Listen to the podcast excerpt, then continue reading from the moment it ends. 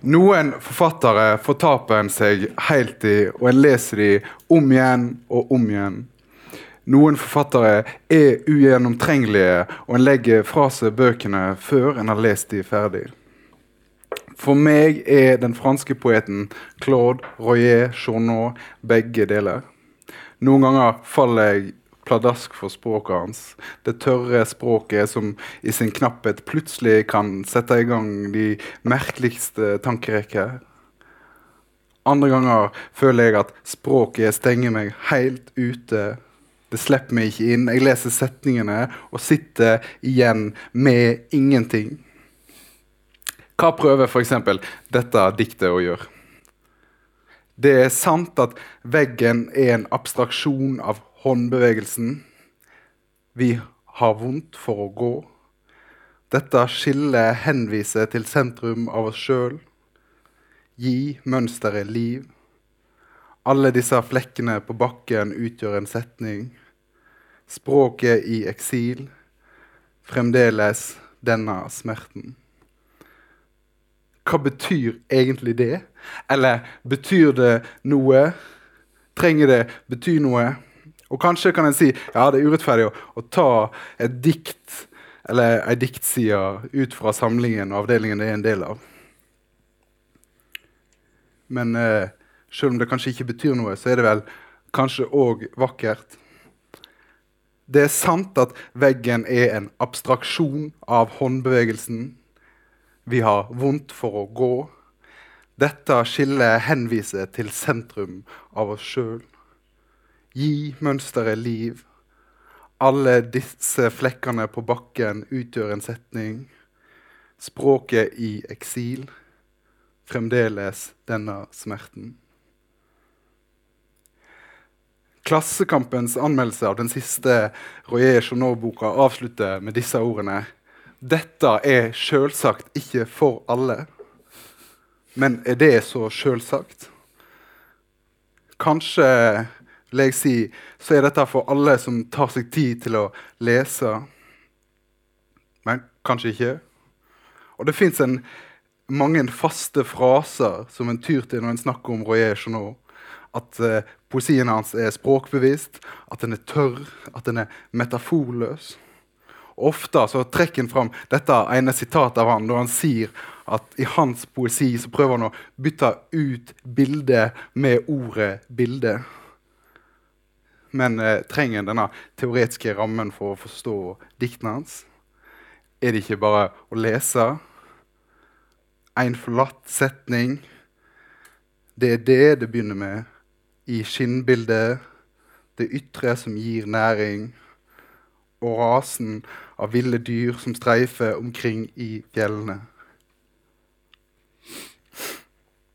Første gang Claude Royer nå ble oversatt til norsk, så var det selveste Tor Ulven som sto for oversettelsen. Og at ulven, som kanskje mer enn noen annen poet har påvirka den norske poesien, har oversatt eh, og, Eller ikke bare oversatt, men jobba med og lest Royer Journaux sine tekster. Det får meg til å lure på hva spor det fins av han i den norske samtidspoesien. Er det noe i det som vi kaller ulvensk poesi, som egentlig er Royer Journauxsk?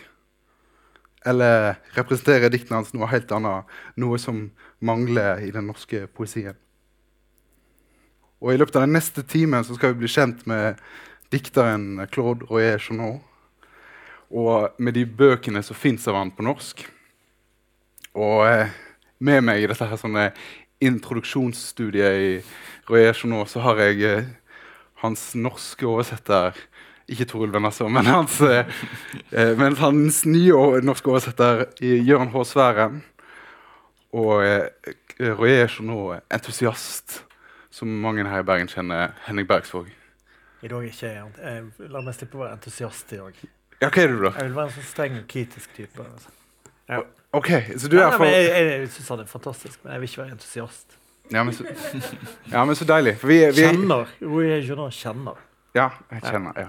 Mm. Vi får, vi får, ikke, vi får ikke betalt av noen for å selge bøkene hans, så det, du kan bare være så streng du, du vil. Um, jeg tenkte vi skulle, vi skulle, Aller først skal vi høre litt Eh, litt av, litt av diktene hans. For det, er det, er så, det er så mye jeg egentlig klarer å snakke om det hvis den har- hvis en har liksom noen kroker å henge det på. Og det lurte på om du, Jan, hadde lyst til å, lyst til å begynne rett og slett med å lese noen av, noen av dine eh, oversatte dikt. Det gjør jeg gjerne. Eh, jeg skal lese fra en eh, bok som kom på Kolon forlag i fjor høst, som heter eh, 'De enkle legemers endelighet'. Den består av flere avdelinger, så jeg skal lese den siste, som heter 'Glassbordet'.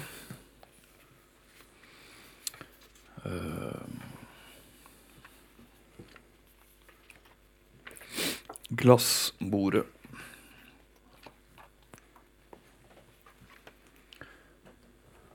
Hun holder seg innenfor rammen. Hun raffinerer sitt spill. Ut fra adskilte ting. Jeg gjør det likevel, men hvordan kunne du vite det? Hun forsvinner i veggen. Pusten, overgivelsens figur. Perforert rom.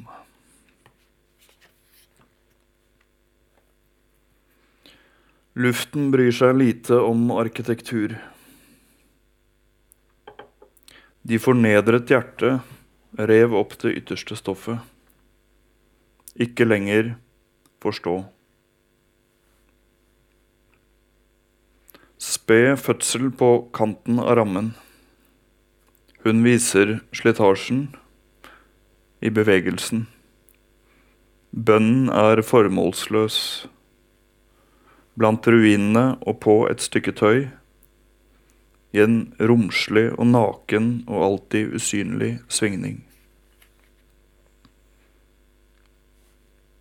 Fra munnen hennes vil vi trekke opp en sirkel. Sky og pronomen. Med et enkelt pust mellom tingene. I klokkerommet han tier om det, det han ser.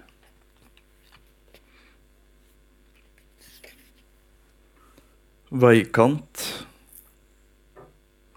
En død rotte fortsetter å bevege sin smale tunge.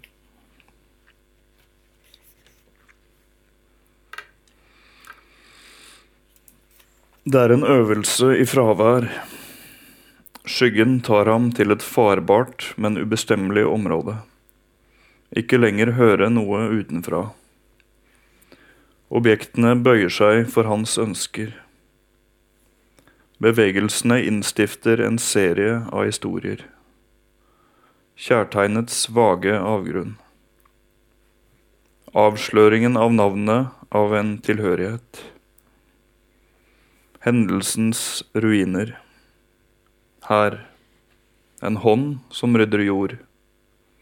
På et sted merket med en smerte som skjuler seg under hvert skritt. En innsjø langt fra byen. En haug med klær på steinen. Leppene beveger seg ikke. Den tause talen befinner seg midt i landskapet. Forstå den rett. Det er ikke en innsjø. Oppløst vertikalitet for å tynge, for å fungere som sokkel for denne dempede talen. Vegetasjonen begynner igjen langs kantene, gir tomrommet over innsjøen næring. Den isolerer fortellingen fra alle mulige utfall. Tallet skaper frykt. Redselen for det nøytrale.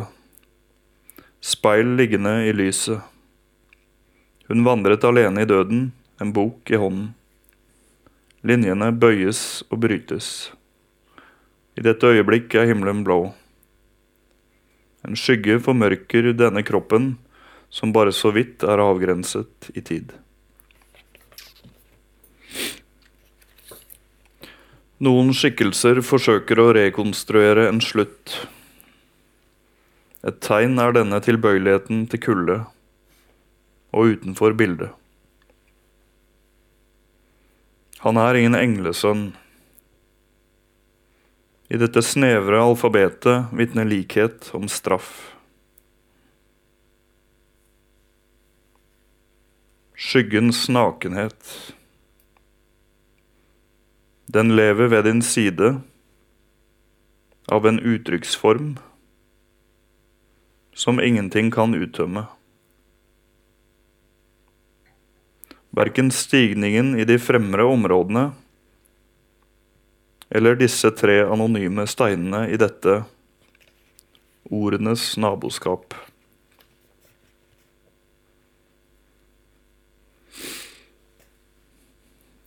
Unna gresset flytter kroppen for å få bildet til å blekne. Bakerst i strupen oppstykkingen av en stavelse. Et mørkt slør. Du snakket ikke, du snakket ikke lenger. Forlist, hun dreier unna og forsvinner inn i ordet, lovens nattside. Luften viker ikke det minste for den vanvittige menneskelige betegnelsen som utsiden støter ut.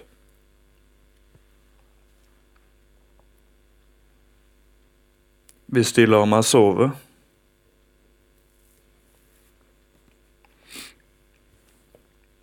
Dyr vokter på mordets øyeblikk. Du førte meg langt bort fra meg. Men dagen river ned denne stillingen. Det er på bakken at balansen oppstår. Hun brenner i en kropps vuggende gange. Labilt minne. Håret til moren er den endelige fullbyrdelsen.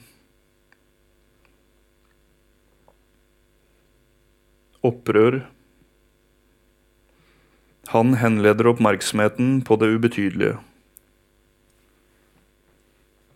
Figurenes bånd.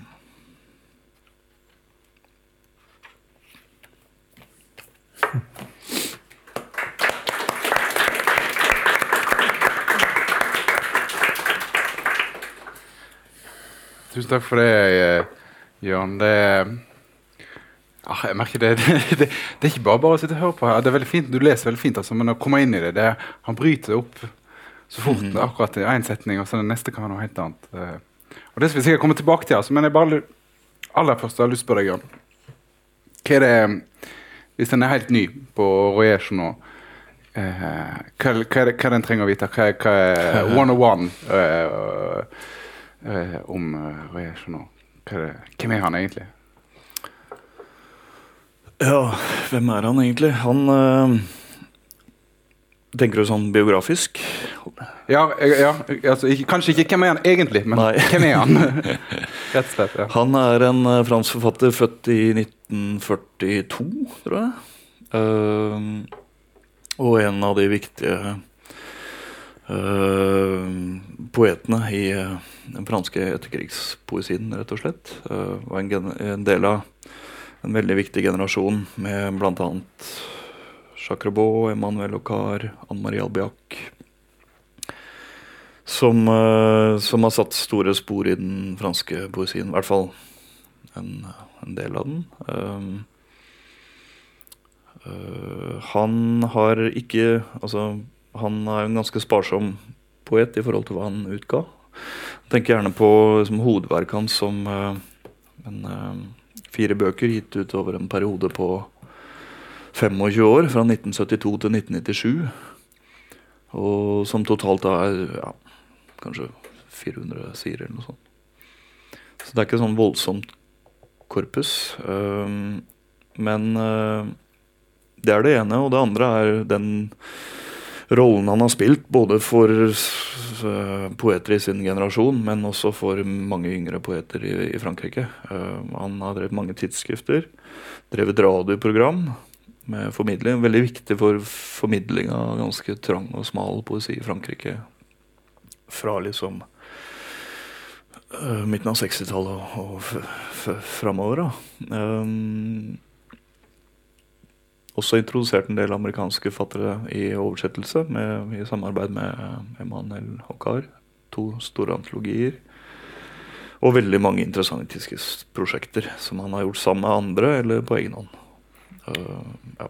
Og han er, han er fremdeles i, i live, og, og, holder han fremdeles på med, med han Skriver han fremdeles og, og driver han fremdeles og pusher poesi? Og ja, altså ikke den, den formidlerrollen som var veldig altså, En annen ting er at apropos det her Han var også veldig viktig i det å liksom ja, opplesninger av poesi og, og, sånt noe. Det har han nok trukket seg tilbake fra, men han fortsetter å skrive. Og veldig mange av de tekstene han har skrevet, uh, publiseres jo løpende i tidsskrifter. Ofte så har de tidsskriftene vært drevet av en annen kar av samme generasjon som heter Jean Dev. Uh, og så samler han dem uh, i en bok og gir dem ut på et litt større forlag enn i tidsskrifter eller som små chapbooks eller noe sånt. Mm. Så som, akkurat den sida av praksisen hans er noe som har vært veldig viktig for min egen del. For eksempel. Ja, og vi, og vi ligner litt på litt sånn amerikansk eh, diktpraksis, kanskje. Det er liksom tidsskriftene som driver ja. ja. Men hva er det uh, Det var personen, person, uh, Claude, men, men, men, er det noe som Eller hva er det som kjente henne i diktene hans, hvis en kan si noe kort om det? Uh, eller er det jo er det noe som går igjen gjennom hele forfatterskapet som mm. er spes spesifikt for han, eller er det ja. Vil dere si? Hva er det som jo, liksom, nei, Hva er det altså- Roger Sjonorske diktet? Det eh, Roger Sjonorske diktet. Det er, det er, ganske klare kjennetegn eh, på det. Man kjenner igjen eh, det ganske fort. Eh, og det er fordi at de, eh, altså han, en, en, del av de hovedprosjektene han har, da, eh, det er jo å unndra seg analogien. Unndra seg metaforen, på en måte. Altså at man Nettopp som du sier, at å erstatte eh, bildet eh, med, ord og bilde. Altså det, altså du, det, er en ren tekstlighet, en te tekstlig interferensiell eh, struktur som er teksten, som ikke skal peke tilbake på virkeligheten, men som skal skal lage en, en, en tekstkonstruksjon. Eh, så, han er, så han, er, han er, opptatt av eh, uh, Eller det som kjennetegner diktene, er ofte at de er litt sånn pågående, på en måte. Altså at de, de, de er litt sånn åpne i begge ender, på en måte. De lukker ikke seg om en bestemt mening eller noe sånt. Det er litt sånn, litt sånn som vi hører her fra dikt til dikt. Det er vanskelig å si at der sluttet den, og der begynte den. Altså det er en, det er en han, han, jobber veldig mye med å ha det så åpent som mulig. Altså mm. lage bildet så åpent som overhodet mulig. Uh, og samtidig veldig konkrete, tenker jeg. Altså den balansegangen der. Ja. ja.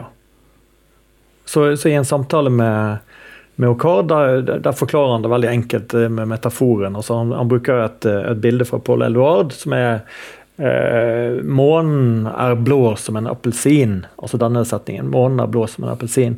Som han mener er en veldig eh, en, eh, det er en, Han mener det er fint, en fin setning, men han vil bli brukt opp veldig fort. Fordi den lukker seg om seg selv. Altså metaforen som en, et lukkende element. Altså det festner i én bestemt mening. Mens eh, så viser han en annen setning av eh, Pleiné, mm. eh, som er 'Den bortre veggen er hvitkalket'. Den bortre veggen er hvitkalket. hvitkalket. Som han mener er en briljant setning. Fordi at den vil aldri tømmes for mening. Den er såpass åpen at den vil alltid kunne romme eh, ny, nye meninger mm. for en leser. Og konkret. Og veldig konkret. sant? Så, så, nettopp det at uh, så, så, så, det er vel kanskje det og, og, Men sett utenfra selvfølgelig at det er veldig mye hvitt på sidene. Altså, det var jo mye av kritikken mot, mm. mot denne poesien. Altså den hvite pesten. At, at, at, at uh, sidene var, var, Det var så mye tomrom. Vi kan jo se, for de som ikke har sett, så ja, Skal ikke slå på en tittelside, kanskje, men uh. Men, men han sier jo det at tomrommet er like viktig som ordene. Altså, altså det, det, er ingen betydningsforskjell på det. Altså, Mellomrommene er like viktige. Mm. Her er jo de sidene jeg akkurat leste. Uh, når han leser det sjøl, eller i hvert fall gjorde Eller ofte gjør, så leser han det med en stoppklokke, hvor han liksom tar seg helt sånn fastsatte pauser etter linjebrudd, blanklinjer, sideskift. Eh, det gjorde ikke jeg, men, eh, men eh, Du gjorde det når du leste med han.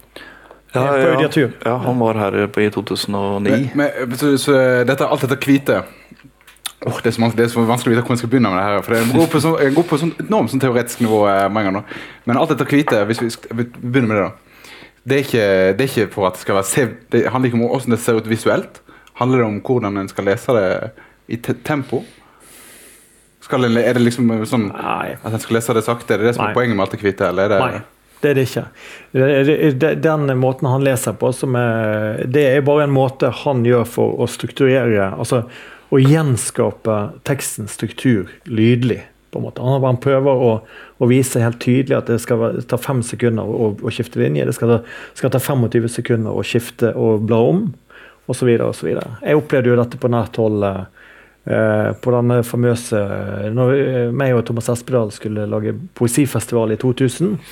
Og vi går da inn i et rom uh, med fem stykker som vi aldri har hørt om før. Vi har aldri hørt om det i, det hele sitt liv. Vi var med Helena Eriksson, en svensk poet. Hun sa 'bli med her når det er en lansering'. Og Vi går da inn i et rom der Jacques Robot, Emmanuel Hocard, Claude Roger Jonot, Anne Portugal og Pascal Monnier eh, står og drikker vin. Eh, og vi, treffer, vi går rett og slett rett inn i, i gullgruven. Eh, og finner eh, det som skal forandre begges forfatterskap ganske kraftig. Så, men, men da har han en opplesning, da. Og BTs journalist skulle dekke den naturen vår. da. Så dette var på Statsbiblioteket i Stockholm. Og han leser da kanskje i to timer og insisterer på den. Han står med den klokken, eller Det heter ikke klokke, det er kronometer. Ja. Et kronometer. Og så står han og insisterer på de pausene. Uh, og, og for meg var det en sånn uh, Det var en sånn Hele verden forandret seg for meg, rett og slett fordi at jeg tenkte at fuck, det er poeten som er sjef over den situasjonen. Mm. Det er ikke publikum, eller drit i publikum. Eller. Alle gikk jo, og BTs journalist gikk i baren og forsvant. Og, og, men, men vi satt noen igjen og bare syntes det var helt fantastisk at han tok den. Det. Så det, men det, det er et grep han gjør, da, for, så, så, det, så det har ingenting med hvitheten å gjøre, tror jeg. Det er mer hans løsning på det. Ja. Mm. Jeg, altså Når jeg leser det her òg, så kunne man gjort det sånn. Det føles veldig Du skal ha ganske mye guts for å stå der og holde deg til den. Men det er jo en måte på en måte å tvinge seg Det går jo alltid fortere å lese enn man tror. Og hastigheten går opp og ned og, sånn. Eh, Det er en måte å holde seg nøytral på, da. Altså insistere på noe av den derre altså Nøytralitet er også et nøkkelord i forhold til hans tekster, tenker jeg. Men jeg, jeg, når jeg leser, leser den, så er det ofte at jeg ikke skjønner noen ting. nå. Men er det, er det fordi jeg leser for eh, For det er min, det er min teori sjøl, at jeg leser fort. Ja. Men er det Eller er det bare det å stå med stoppeklokka? Det høres ut som bare en gimmick òg, da. Men skjønner du veldig mye ellers når du leser poesi? altså, du leser dikt Og nå skjønte jeg noe. Ja, ja, ja. Eller, eh, ja, til en viss grad, selvfølgelig. da. Eller, det, det, er jo det er noe av det som eh, eh, gjør at jeg har lyst til å snakke om og jeg skjønner i det hele tatt. da. At, en, eh, at, jeg, at jeg, ja, jeg, jeg skjønner enda mindre, kanskje, enn jeg pleier å skjønne. Eh, men eh, vi må tilbake til det her som, som ble nevnt, og det som du snart kjente, kjente av poesien hans. Eh, Dette her at metafor Å gå, skrive seg bort fra metaforen. Eh, og- Som selvfølgelig og- er umulig. ja, det er jo et umulig det, det, det er det som er spørsmålet. Altså, i, i, I hva grad eh, er det, er det et vellykka prosjekt? Uh, hva tenker dere? I, i, i hans poesi, altså. For Dette er jo veldig uttalt for han. Han nevner det ofte alt, eller i de intervjuene jeg har lest, så det, all, dette er liksom programmatisk. Folk skriver om han, skriver alltid om dette, og det er sånn som dukker opp hver gang jeg leser om Roy Journaux. At han er viktig, og så er dette dette han gjør. Mm. Men i hva grad er det vellykka, tenker dere? Mm. Det er vel ingen bomber hvis vi sier ja på det spør eh, spørsmålet. Eh, vil du svare? Ja, At det er vellykka? At han får det til? Ja, ja, ja, ja. Men hva, hva igjen da? Er det kun det konkrete bildet igjen, eller er det Og, og, hva, og, og da er det så i fall det neste spørsmålet, da. Og hva så? Kan han ha fått dette diktet utenom metaforen? Du sier det ikke blir brukt opp på den samme måten, at det varer lenger, eller Men, men er, det, er det målet med diktene Altså, At de skal være at det skal være dikt for evigheten, eller, eller liksom, hva, er, hva er målet med denne metaforløse poes- poesien? Jeg, jeg tror at det i stor grad handler om Altså, Hvis du skal putte det i en sånn historisk kontekst uten å bli helt Hegel, men liksom Hvis du tenker på den der eh, modernistiske eksplosjonen i Frankrike og surrealistene, altså med den blå appelsinen og sånn Metaforen går bananas, ikke sant?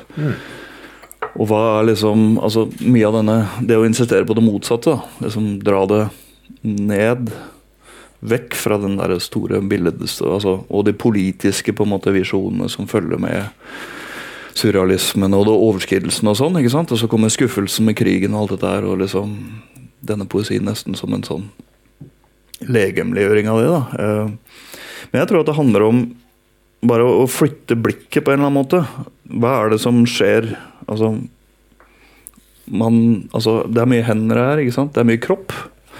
Og Særlig denne siste boka er det veldig mye kropp, tenker jeg. Og du har et øye altså, Men alle disse tingene tror jeg er veldig fysisk ment. Eller øh, det er snakk om blikket som flytter seg, hånden på arket. Og mye av den hvitheten her og sånn tror jeg rett og slett øh,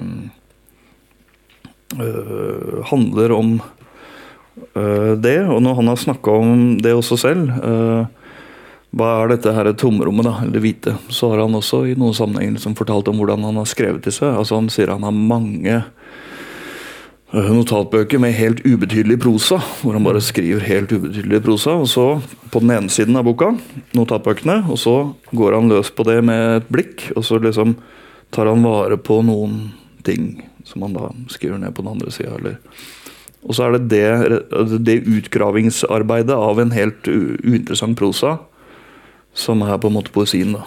Mm. Og så står tommenrommene igjen etter den der utgravings... eh, Han ligner det med, med slakterens arbeid eh, Ja. flere ganger. Så han måtte må skjære vekk enkelte enkelt og greit. Og dette her var jo mange som lurte på hvordan ser disse altså, prosastykkene ut, hva er det for noe sånn? Og når han da i denne tetralogien, i den tredje boka her, som heter eh, 'Objektene inneholder det uendelige' på norsk, så er det en lengre avdeling eh, som heter 'Kjærlighet i ruiner'. Ja. Ruine. Så, som jeg må få bare si, jeg syns den er absolutt fineste i, Det er i hele den tetralogien. Det er den ubetydelige prosaen. Ja. Han viser liksom fram uh, Han, han kaller ikke den bare ubetydelig, han kaller det den uh, prosa uten litterær verdi. Ja, det er vel det han kaller Det det. er det han Ja. mm.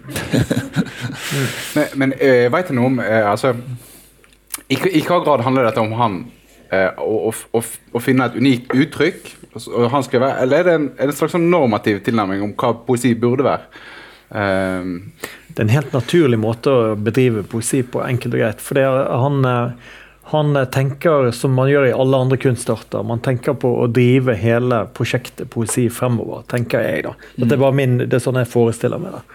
Og, og da, eh, sant, du, du, Poesien er, var allerede med altså Mallarmé Allerede der så oppdager på en måte eh, han, han en krise da, i poesien. på en måte. Den, den, den sliter. Sant? Og da, da er det allerede på vers. og Da er det ikke bare metafor, da er det veldig mange ting som på en måte altså At, at poesien er, er ikke i stand til å forrykke noe lenger. Den, den er blitt, altså, den er blitt, den er blitt en, en, en død struktur. Så må man hele tiden jobbe med å finne ut hva er da poesiens attributter. Hva er, hva er det poesien bruker for å være poesi?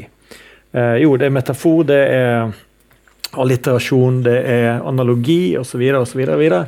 Og så er da eh, Claude sitt prosjekt å så ta bort disse, disse der, for å se hva, hva fins bak der. Fins det, det en kjerne, eller fins det, finnes det noe videre der? Altså hvis vi tar bort, Først tok vi bort verset, eller rimet, og så tar vi bort det ene etter det andre. Og, så, og hva ligger igjen der, da? Mm. Og da, da, da skaper han et sånt kjølig, eh, pågående rom, som jeg mener er nettopp eh, av, av virkelig høy verdi. Da. Fordi at, fordi at det, det, det er utømmelig. Det, jeg kan lese det om og om igjen. Jeg, kan, jeg leser eh, de tekstene jeg leste for, for eh, nå 18 år siden, eh, de kan jeg lese igjen, og, og fortsatt er de gyldige. på en måte. Altså, de, de, så, de, har ikke, de, har vært, de, har vært i gang hele tiden frem til gjennom de 18 årene. Uh, og det kan jeg ikke si om veldig mye, altså. Eh, så det er du, ser, du ser på det liksom som den naturlige eh, en, eh, konsekvensen av modernismen egentlig, Hvis en samler med billedkunsten, altså at det er der når en til slutt henger opp hvite lerreter, og, så- og så stiller en spørsmålet Ja. om dette og eh, om kunst, at det, at det er en eh, naturlig følge av, av modernismen at en fjerner vers, og så fjerner en rim, og så fjerner en metafor, og så til slutt så sitter en igjen med Ja. Ja, Dette har vi snakket om mange ganger, men, men det er liksom poesien som et forskningsfelt, og Claude Rouget nå som en laborant. da, som, som gjør viktige funn. Han, han, han tar vekk, han tar vekk et stoff fra miksen, og så sånn og sånn, og sånn, og så, og så koker det. Og, så, og, så, og jeg mener jo det at de oppdagelsene som han gjør, da, det er såpass viktige at de bør egentlig få konsekvenser for alle. da. Egentlig, altså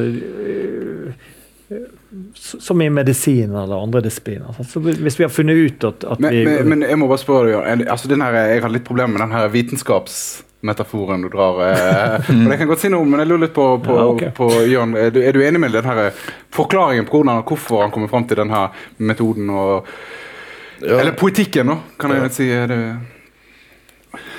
Ja, nei, det vet øh. Men hvis du skal tenke på det med billedkunst, da, hvis du tenker på billedkunsten og det moderne maleriet, da, eller som begynner med Picasso og og ser hva er rammene for hva vi jobber med her. ikke sant?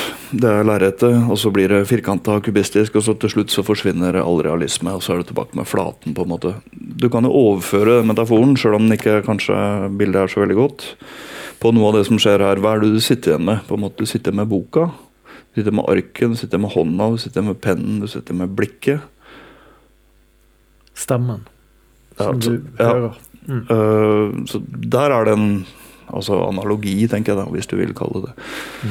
Men det er også en sånn uh, det, det blir jo litt for enkelt å bare sette det der også, uh, tenker jeg. For min del i hvert fall. Så oppstår det jo noen ting etter dette reduksjonsarbeidet.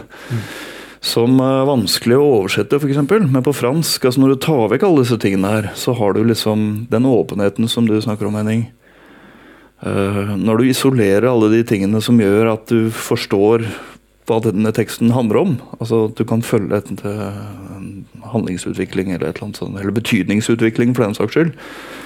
Når du fjerner det og bare isolerer disse byggesteinene, som er liksom ord, på en måte, og så er det noen figurer som får lov å være med her, som er store, tunge, altså hjertet, jeget, ikke sant, alle disse tingene får lov å være med, men de, når de isoleres, på en måte, øh, så ser man dem jo liksom på nytt. Og Wittgenstein, eksempel, som har vært veldig viktig for Claude Rauchonneau og Gahr, mange av de her, han sier jo sånn et eller annet sted i en dagbok at uh, noen ganger så må du ta et ord ut av språket.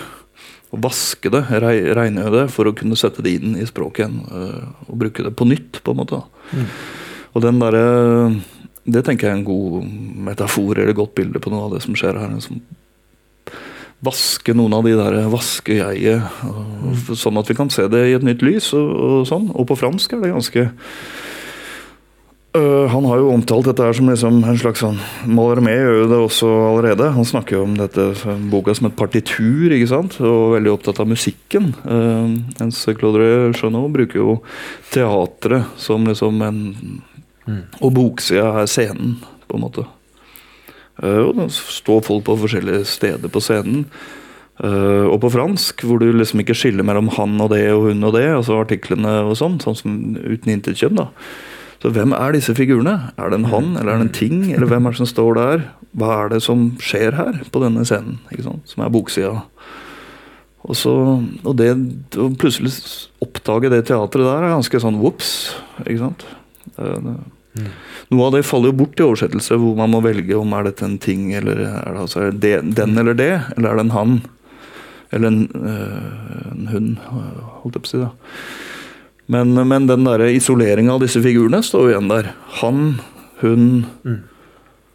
Og hva skjer liksom når du har isolert dem, så fjerna liksom fortellingen mellom dem? Fjerna hele dramatikken, på en måte. Ja. Så, så står det liksom bare igjen et veldig konkret spill, da.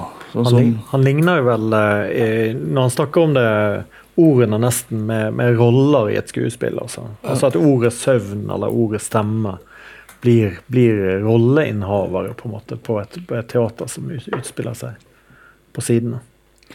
Men, men grunnen til at jeg ikke altså, går med på helt på den vitenskapsmetaforen, er fordi jeg, jeg, jeg kommer ikke unna at, det er, at Royer Journaux er der sjøl. På et eller annet vis i teksten. Og Det kan være at det er konklusjonen, at en ikke kommer unna. eh, Men, men og, og spesielt det som er Det, det blir et for det første blir det mer og mer tekst utover altså Nå kjenner jeg jo kun det for delen av fattigskapene som finnes på norsk. da. Det blir mer og mer tekst. Og så blir det, blir det mer og mer jeg utover. Og, s- øh, men det som alltid er der, det er du der. Det er liksom eh, en slags henvendelse eh, Fins i alle bøkene. da. Eh, så det, er- Hvis en virkelig skulle hatt dette objektivet, virkelig dette, så ville en jo kun hatt objektene, og ikke og, og en kunne for all del hatt mennesker som objekter, da. men ordet 'du' er jo en henvendelse fra som kommer fra et sted. Eller, mm. Så det, det, det er bare Det menneskelige og, det, og, og, og derfor det kunstneriske er på en måte helt borte. Men vil jeg si at Når du leser ordet 'du', så fyller du ut en person? Det oppstår en person i ditt hode med kropp og, og stemme og handlinger? Ja, det, det, så er ikke nødvendigvis så konkret, men det er i hvert fall du er jo en henvendelse. Ja, jeg tenker at dette er figurer ja, som du kan bruke. Altså Poesiens store figur har liksom vært jeget, ikke sant? Og så har det kanskje vært øh, den modernistiske romanen. Plutselig kommer jeget inn i, i romanrommet, ikke sant? og så blir helt forstyrrende. På en måte. Men, øh, men jeg tenker ikke på det som Altså, dette kan jo høres veldig flatt og liksom unnvikende ut. Altså, si bare, det er bare ord jeg, ikke sant? Eller det er bare et ord hele tiden. Jeg tror at han eh, vil insistere på det i stor grad. Samtidig så eh, oppstår det jo betydning av disse små tingene også. Det er jo, Du nevnte det, Henning. I den første boka i den tetralogien fra 72, midt i boka omtrent, så er det en setning som er 'unnslipper vi analogien', som har blitt sitert mange ganger. Eh, uten et spørsmålstegn. Eh, men det, det opplevdes som et spørsmål, for så vidt. Og det er jo det han på en måte også har uttalt at han vil unnslippe. Men og jeg tror ikke vi unnslipper analogien. Og det tror jeg ikke han tror heller. Uh, men når du isolerer disse tingene, så kan du kanskje se hva som ord og språk og sånn gjør med deg. da, Og hvordan det opptrer. Altså, altså Du kan få en nesten sånn fysisk følelse av hvordan språk påvirker Akkurat som du sier, du leser dette jeget. Det må være noe biografisk. Hvem er det? Hva er, hva er referansen her? ikke sant? Og at du blir bevisst på det spillet. Stort sett så bare svelger man jeg og han og hun helt løpende når du leser prosa, og også i stor grad når du leser dikt. ikke sant? Plutselig blir disse figurene synlige, ikke sant?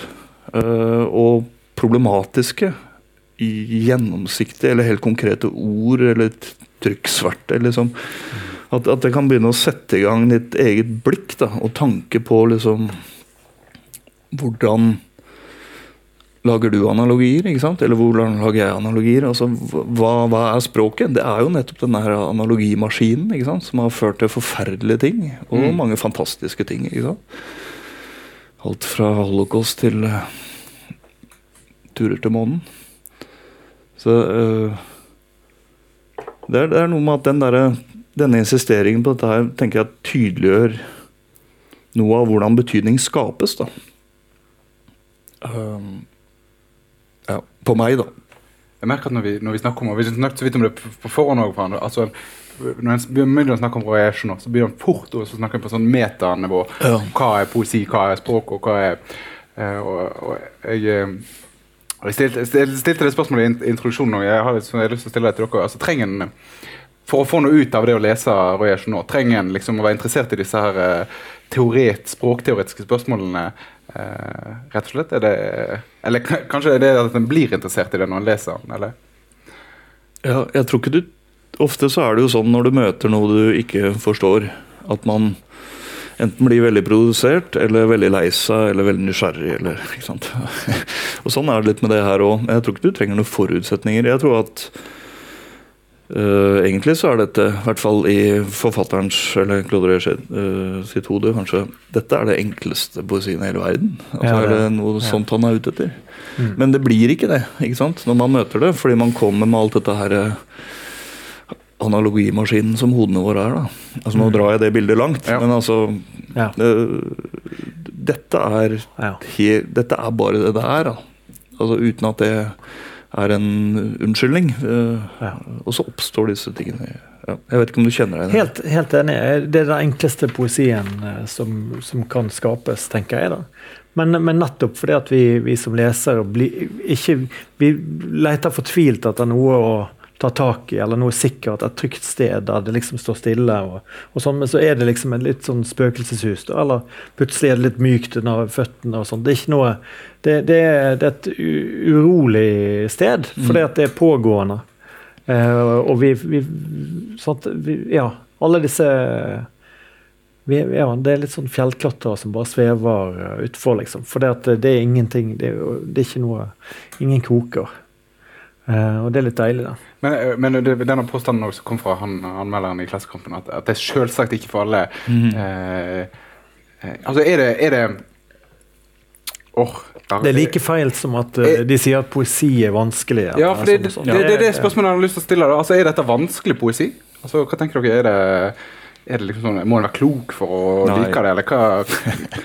Nei, det, Det er kanskje et dumt spørsmål, da, men det er for, når folk, når folk eh, hører sånn som dette, så er det fort å tenke sånn Dette er ikke for meg, dette er for Men må liksom Er dette for spesielt interesserte, eller hva er mm. Er det selvsagt ikke for alle? Det er selvsagt ikke for alle. Ja, det vil jeg si. Selvfølgelig. Folk ser jo, eller, folk ser jo Nytt på Nytt, liksom. Eller det Selvfølgelig ikke dette for alle. Det er jo eh, det er veldig lite som er for alle. Men Eh, jeg, jeg tror En annen ting som er litt viktig, som henger litt sammen med det her i mitt hode, er jo der ideen om at poesien, eller diktet, da, ikke sant, eller sånn tradisjonelt eller noe sånt, er liksom en gåte, da. Er det fort gjort å tenke, ikke sant. Det kan enten være et veldig sånn fortetta, pregnant bilde, eller som eh, Og så må jeg forstå det. Altså Omtrent sånn som du sitter og lærer å tolke dikt på skolen. ikke sant? Eh, Men den gåten får du ikke noe svar på her. ikke sant? Du blir ikke noe klokere. Det er ikke noe hemmelighet i denne boka her som jeg har forstått, i hvert fall etter å ha oversatt den og jobba ganske tett med den, alt dette greiene her, enn hva du opp... Vi er like langt fra svaret på denne gåten, men det som skjer på en måte i, i tekstene, og ikke minst med oversettere og sånn, for min del, og som er det mest interessante for meg, da, er jo liksom det her selv når dette er så oppstykka, fragmentert, redusert som det er, så oppstår jo disse forbindelsene mellom disse figurene. Altså jeg og du, eller han og hun og det og den, og hjertet og, og hånden og alt det. Det oppstår liksom noen historier som, som man fornemmer, ikke sant? Og så møter man den veggen, da. Ikke sant? Og det å være der i den usikkerheten, altså det er for meg mye mer interessant enn å få svaret på liksom gåten. Mm. Poesien. Det er i hvert fall ikke noe poesi som interesserer meg, eller prosa. for den saks skyld, ikke sant? Men her får du lov å være i det derre spillet Mm. hele tida, tenker jeg. Ja. Det er en stor rest, på en måte, som er overlatt til leseren. Og kanskje for stor for noen. da. Eller at man kan bli for urolig av det. da. Men når jeg leste det første gangen, så var det bare sånn uh, Da var det helt fantastisk. For da, hadde jeg lest nesten bare norsk poesi. Sent 90-tallspoesi og, og det jeg hadde lest på skolen og sånn. Så, så det, jeg, det å få noe som var helt sånn her eh, kompromissløst, Uh, det var bare helt sånn uh, Ja, endelig noen som bare tør å stå i det og lage den teksten der som, som på en måte ikke gir eh, Som ikke eh, spiller noe for galleriet da, i det hele tatt. Det, det, det, det som bare er i seg selv. Så det, det var en stor, eh, stor opplevelse, rett og slett. Det er jo sånn i ditt forfatterskap, Henning, at uh, før du sier noen ting sjøl, så sier jeg eh, Roy Ashenor noe. For han er jo stoppet på, på, på, mm. sitatsida i, i debutboken din, og jeg, da får jeg bare lyst til å uh, eh, Da får jeg bare lyst på Hvordan hadde ditt, eh, din poesi sett ut uten å ha lest Roy Ashenor? Er så eh, hvor, hvor viktig har han vært? Eller hva er har Den har har, du, har du skrevet noe helt annet, eller? Den har, den har vært helt avgjørende, og det skjønte jeg i dag, rett og slett. Fordi at jeg satt, fordi at jeg satt og leste det om igjen. eh, Jeg fant frem de gamle, de aller første, OEI 2-3, som er det legendariske svenske tidsskriftet, utgitt i 2000. da. Eh, som var mitt første møte med uh, Der jeg leste den første gangen. Det var før jeg hadde åpnet den boken. Så der er det et eh, en samtale mellom Hokard og Roger Journal. Og jeg ser at alt som er blitt snakket om i det intervjuet, har jeg på en måte bare inkorporert. Bare slukt. og bare, Det bare blitt uh, min uh, politikk, enkelt og greit. Og så har jeg bare glemt at jeg har vært det. da. Så bare så jeg det. Nei, faen. Det er jo ingenting originalt i det hele tatt. da. Alt er jo bare sagt. Ferdig da. Så det var jo eh, på en måte nedtur. Men, eh, men det var jo forsvaret på det, da. For det At det må ha, det må ha betydd eh, kolossalt på den tiden. da. Eh, og så har jo min poesi blitt, eh, blitt uh, noe annet, selvfølgelig. Uh, og jeg har jo mine tilbøyeligheter. Sånn min syke, min Jeg kommer jo med mitt inn i det, og så har det blitt annerledes. da. Men, eh, men, eh, men, men dette Når jeg ser på det, ser, leser det om igjen nå i de siste dagene, så bare tenker jeg at det er jo dette som er greien. Hva er det vi holder på med? Hva er det vi, vi sitter og leser masse tull, og vi leker jo bare butikk. Dette, dette er jo Dette, det er jo, dette er jo uh, Dette er jo Champions League-finalen, liksom. og vi er jo bare bare eh, nede på Møhlenpris og leker med en ball, liksom. Så det Ja. Så det var litt sånn oppvekker, da. At hva er det, hva er det jeg holdt på med? Ja. Eh, apropos Champions League, altså nei, jeg klarte ikke å dra den metaforen videre, men altså, eh, altså det, det viktigste i det viktige, da Det blir ofte sagt det er den her tetralogien eh, som du har oversatt til norsk. Eh, eh, som, ser, eh, som ser sånn ut. Og fremdeles er jo forkjøpt eh, ja på Radiatur, i hvert fall. På Ja. nett. Eh, kan ikke du si eh, eh, hvorfor du valgte Eller hva, hva som gjorde at du, du oversatte den? Nettopp med å oversette den og eh, Ja. Altså, jeg tror mitt møte med, med hans forfatterskap var liksom veldig likt ditt møte, Henning. Mm. Uh, det var en opplevelsen av å møte noe uh, nytt og noe helt annerledes. i hvert fall. Altså, det var liksom flaska opp med noe helt annet, og så lese det her, så var det sånn Ops, dette er liksom Så tenker jeg at vi skal jo ikke skrive Altså, dette uh, Alle i Norge nå skal ikke gå fra å skrive om eh, seg selv eller bruke jeg og begynne å skrive dette her. Eh, men, eh, men som en sånn derre Igjen, da. Ta noe ut av poesien. Reinvaske det for å sette det inn i omløp igjen. Så tenker jeg at hans forfatterskap er kjempeviktig for å rydde bordet, rett og slett. Altså, helt fysisk òg. Altså med arbeidet med språket. Og for min egen del så tenker jeg sånn, når jeg skriver ting sjøl, sånn, så, så tror jeg jeg tenker at nå, når bordet er rydda, så kan man plukke opp disse figurene igjen. Du kan plukke opp jeg, du kan plukke opp hjerte og smerte og sånn. Og så kan du bruke det på nytt. Fordi blikket er skjerpa og vaska, på en måte. Sånn sett har den vært veldig viktig for meg. Eh, og når jeg møtte det, så, så, så fikk jeg bare veldig lyst til å fordi det var så fremmede for meg. Åssen skal jeg komme inn i dette her? Og så kunne jeg ikke fransk heller. Utgangspunkt. Ja, ja. Men også et ganske greit utgangspunkt, for da ble det veldig fysisk. Eller ikke fysisk, men eh, jo, det ble jo for så vidt det òg. Mm.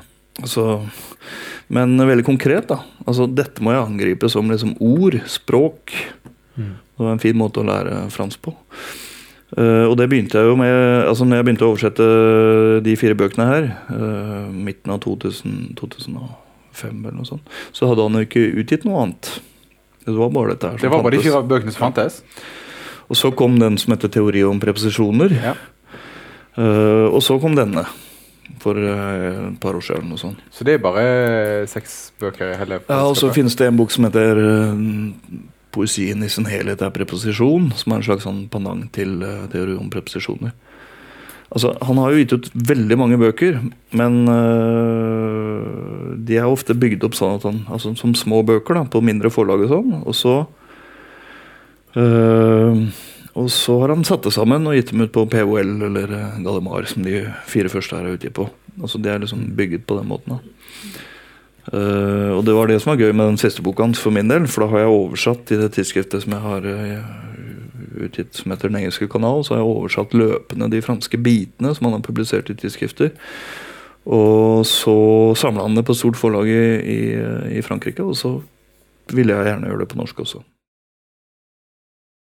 Med liksom i tidsskriftene til Chandeu, eller på, som småbøker på uavhengige, bitte små forlag. Og, men jeg tenker på For meg, altså den siste av disse bøkene som man fikk mye kritikk for øh, Det siste ordet er rett og slett i den fjerde boka 'slutt'. Som om det var en film, på en måte. En gammeldags film hvor det står liksom 'the end'. Uh, og så begynner han på nytt, da. Men det er jo gjenkjennelig, absolutt. Det er jo han Men eh, det er som du sier. Altså, det, eh, jeg får også en følelse av at det, en, at det åpner seg noe. Men det ser man jo også i tetralogien. Altså at eh, Det er veldig gøy at han får kritikk for å skrive ordet 'slutt'. For da, lukker han det, på en måte. ja. Så at han gjør én feil gjennom å alle fire bøkene. Ja, for du, du tenker du, du er med på kritikken, på en måte? Du at det er Nei, nei, jeg bare har lest om det, liksom. For jeg har lest om, om det. det var, men han, han sjøl syntes det var helt greit, å nettopp for, for å avslutte et prosjekt. Mm. Og så syntes han det var gøy at filmene Der står det Finn, liksom, og så er det ferdig. Mm. Så, men eh, men det, det, det på en måte går jo mot hans uh, politikk. da. ja, ja. Så, eh, men kanskje nettopp derfor en sånn lite sånn feil i det, det arabiske teppet, liksom. Men, det, men det er et annet nærvær i den nye boka, er det ikke det? Eller er det Er det jeg blir lurt av at det er flere ord, på en måte? Ja, jeg tror det er noe av det. Altså, ja. for- For min del, altså, Det er mer å holde seg fast i, kanskje. Altså, øh, og det gjør jo altså, Når det er flere figurer og flere ting, så er det liksom kanskje man fornemmer liksom mer omrisset av det som man kaller forbrytelsen, eller et eller annet, men som aldri blir sånn. Han har jo sammenlignet dette med detektivarbeid og, og sånn En, også. for, en Som, en, forbrytelse uten offer. Ja, og som aldri ble oppklart, på en måte. Ja, altså- der man leter etter en kropp som ikke fins. Ja, Det er noen sånne her rare Han er veldig god på øh, analogier ja, ja for å forklare poesien. Han, er, han er best som intervjuer. Les intervjuet. da. Ja, ja. Men han vil jo altså ikke selv gå liksom forklare hva handler dette om. Det er ikke det det handler om. For å si det. sånn. Altså, men øhm, Nei, jeg tenker at det er veldig gjenkjennelig hans forfatterskap og, og sånn. Men, øh, men øh, Og nå er han jo i gang på nytt, ikke sant. Altså etter Det som var spennende for meg med å oversette den her, som jeg oversatte løpende i biter i Den engelske kanal, var jo å følge altså Han sendte meg de tekstene, og så kom de på trykk i Frankrike, og så oversatte jeg den og satte dem på trykk i Norge. Mm. Og så på et eller annet tidspunkt så sa han nå er boka ferdig. Altså nå har jeg alle byggestenene. Da hadde jeg liksom vært med på den prosessen. ikke sant? Uh, og så kommer det kanskje ett nummer av tidsskriftet til Jean Dev hvor han ikke er med, og så går han i gang igjen. ikke sant? Mm. Og det, det gjør han nå. Og han fortsetter med disse tingene, som jeg også har da fortsatt med å gjendikte i den engelske kanal. Som følger uh, altså På et eller annet tidspunkt Jeg fikk også følelsen av det, og jeg vet også at uh, han uh, Erik Besti, som er en kjempefin uh, forlegger og trykker i Frankrike, som ga ut den første avdelingen som heter Cardia, som en sånn liten chapbook på sitt eget forlag. som var den første delen av den boka. da. Som kjenner Claude sitt uh, forfatterskap veldig godt. Han, uh, han sa liksom at når han leste liksom, eh, den siste delen her, den jeg leste, 'Glassbordet', nå er, nå er boka ferdig. Det var liksom hans følelse. Og det var også riktig, på en måte. Mm. Så ble det en bok på et større forlag, som fortsetter arbeidet i det små. Og akkurat det har jeg liksom Uten den innsikten så hadde jo ikke jeg for min egen del skrevet de bøkene jeg har gjort, eller jobba på den måten jeg gjør. Så hvis det er spor av på en måte det arbeidet her hos eh, meg, sånn som du snakker om, Henning, Mm. Så tror jeg det dreier seg om praksis, måte å bygge bøker på. Eh, Kanskje enda mer enn hvordan man skal skrive poesi. Mm. Bordet er rydda, kan du jobbe med de store figurene igjen. På en tørr måte, eller veldig konkret og åpen måte. Men eh, det viktigste er kanskje metodikken og, og praksisen. Og den kan du overføre til liksom, tilskuddsvirksomhet og alt det der Ja. også, som er, har vært viktig for meg. da. Mm. Hvis jeg bare kan si en ting som ikke er blitt nevnt rundt det, i den praksisen, så er det nettopp det kollektive. da. Uh, Roger Journaux er ikke noe ensom ulv i, i, i Frankrike i det, i det hele tatt. Dette er et miljø av, uh, av folk som skriver til hverandre, som jobber sammen. Veldig mye, av samtalene deres eh, altså, eh, står på trykk på en måte. Uh, lesningen av hverandre står på trykk. Og på en eller annen måte så driver de prosjektene fremover med denne dialogen. da. Eh, som er noe vi skulle ønske vi kunne gjenskape. Men vi gjør altså eh, Ingenting blir hengende i det blå. da. Altså Det blir lest, og det blir på en eller annen måte tatt videre, og man hilser til hverandre i bøkene. man man, eh, og selvfølgelig denne Frankrike-USA-connection med oversettelsene. Mm. Så, der de får infisere hverandre, hverandres nasjonale poesier. Det, det er noe som jeg virkelig misunner. da. I Norge så blir jo bare Alle disse lyriske forfatterskapene blir bare hengende der i luften. Altså det, det foregår ingen reelle lesninger, det foregår ingen reelle samtaler som på en eller annen måte får konsekvenser. Alt er bare litt sånne luft... eh, eh, Slått. små eh, dårlige raketter eh, hit og dit. Uten noe system. Da. Så, eh, så der må jo man misunne det miljøet som på en måte har, har vært rundt han, rundt de tidsskriftene. Vi snakket om tidsskrifter tidligere i dag, og, og det, det er liksom eh, ja, det er virkelig eh, at det er, en, det er nesten en bevegelse. Det, det, Mm. det er et prosjekt som kanskje er litt av det jeg tenker på det. Det er er derfor jeg tenker på det som et laboratorie. eller Altså at det, at det, er- det er team, på en måte. Mm. Jeg syns jo det Når du snakker om det på den, på den måten, så er det enda mer eh, interessant synes jeg, at Torulven har, har oversatt Roy Ersno eh, som Hvis det er noen en skriver i samtale med i Norge, så er, så er det veldig mange som skriver i samtale med Torulven. Og gjerne eh, Mm. Hans oversettelser sto jo uten, uten på trykk uten noen eh, form for tekst til det. Skulle gjerne visst hvordan han hadde, hva han hadde sagt her. Mm. Og om det liksom Det som skjedde i den eh, Du tenker på den der Det- eh, det- poetisk, Poetisk modernisme. modernismen er en sånn antologi med masse, masse forskjellige Det som ble tatt bort i den, var jo alt det hvite. ikke sant? De Ja, putta der inn alt sånn Alt er bare pakka sammen i spalter. Og, og, så den dimensjonen av hans arbeid, altså bokside og sånn, er jo bare nappa ut i formidlingens uh, ånd, holdt jeg på å si. da. Men du, det er Jeg kan legge den, jeg har den utskrevet den sida om Storulven har oversett, så jeg kan legge den i, ba, i, i disken her borte, så folk kan sammenligne etterpå. Eh, men, eh, men det er ikke så mye ulvensk over det når en leser eh, det, det tror ikke det kan ha vært et betydningsfullt forfatterskap for Tor Ulven, så det er kanskje noe som en trenger Vi trenger dette forfatterskapet, eller de, de tankene som han som måtte skrive på Det er ikke noe som vi har allerede i Det blir bare norsk spe spekulasjon hvordan eh, ulven leste det, da, men det er jo klart at knappheten Altså det, det å ha mye betydning inn i få ord, da, det, er jo helt eh, obvious. At det, det har ja. Jeg tenker at altså Det er en avdeling altså i denne tetradologien igjen her. Den første avdelinga her heter en deskriptiv metode. Og Det deskriptive er jo veldig ulven, tenker jeg. Altså, Vi, vi det, har, og tenk på liksom det der nøytrale blikket. Som, altså det derre altså det jeg-løse, eller liksom det registrerende blikket som har blitt kalt liksom ulven sin prosa. ikke sant? Den nøytraliteten og den deskriptive som ligger der og sånn. ikke sant? Det er jo det mye Altså uten Altså denne type, Ikke bare Claude Chenot, men mye av den franske greiene og den nyromanen og alt det greiene der, som også er viktig for Tor Ulven. ikke sant? Uten på en måte den ryddinga av bordet som foregår med alle de praksisene der, så hadde ikke Tor Ulven skrevet som han gjorde, tror jeg.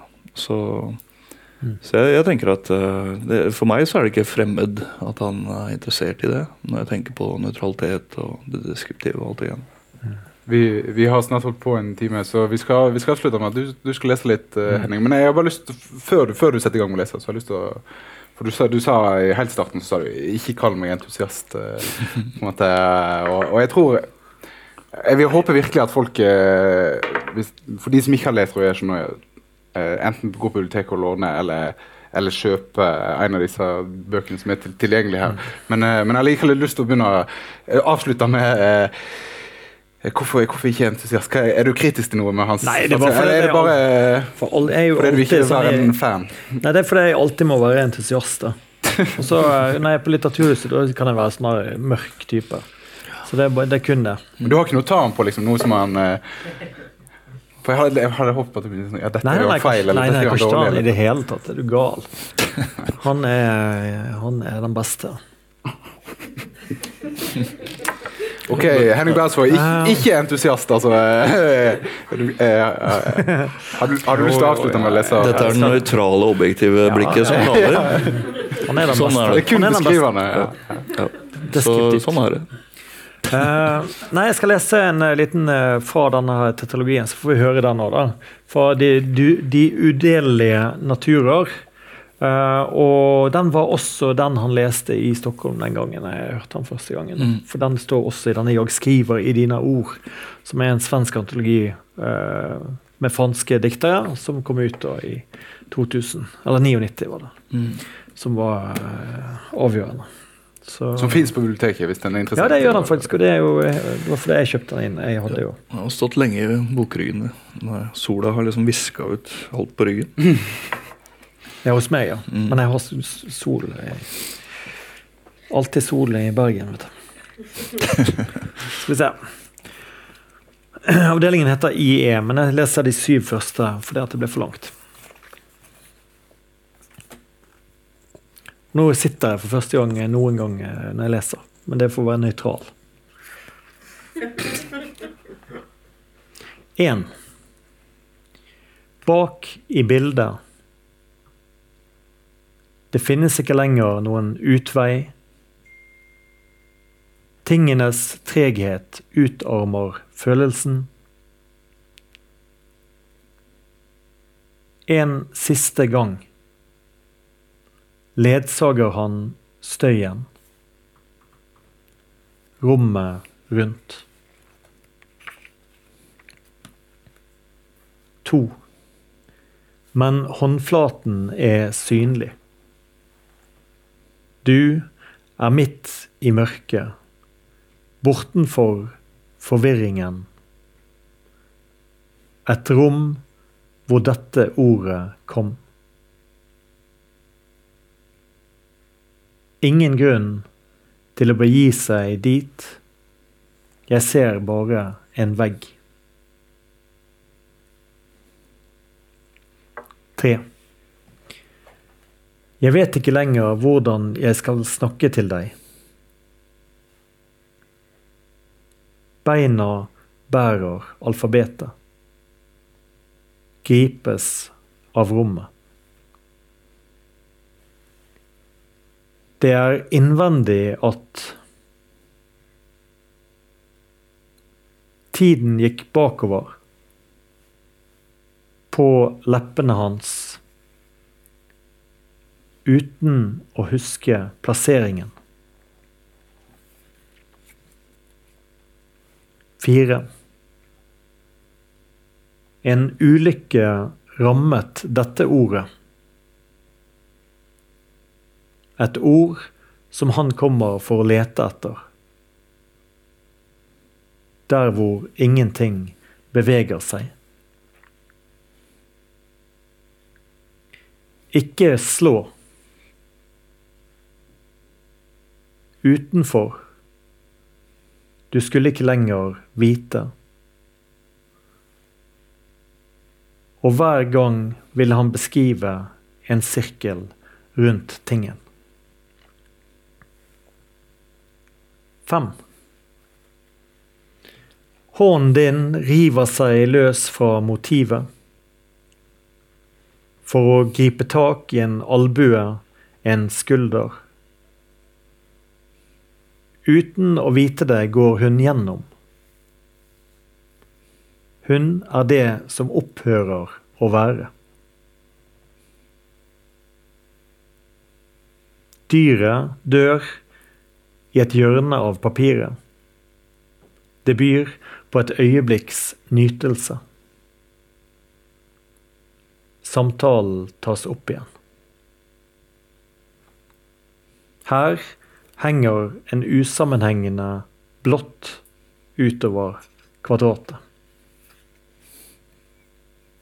Seks. Noen usynlige vokaler.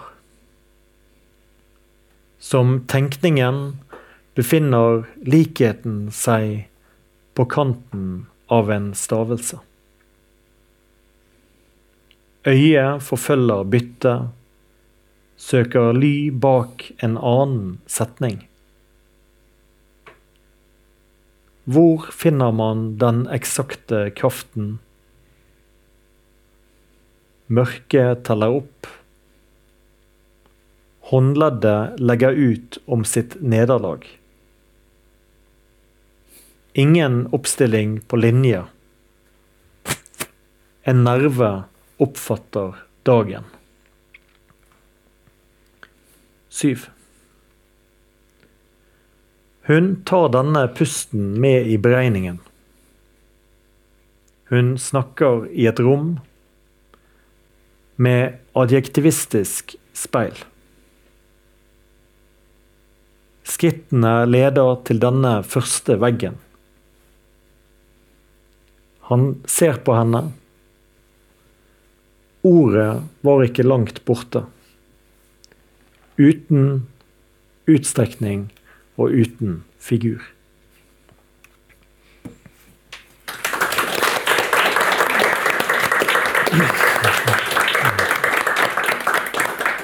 Det var altså det vi, det vi fikk sagt om uh, den aller beste på, på en time.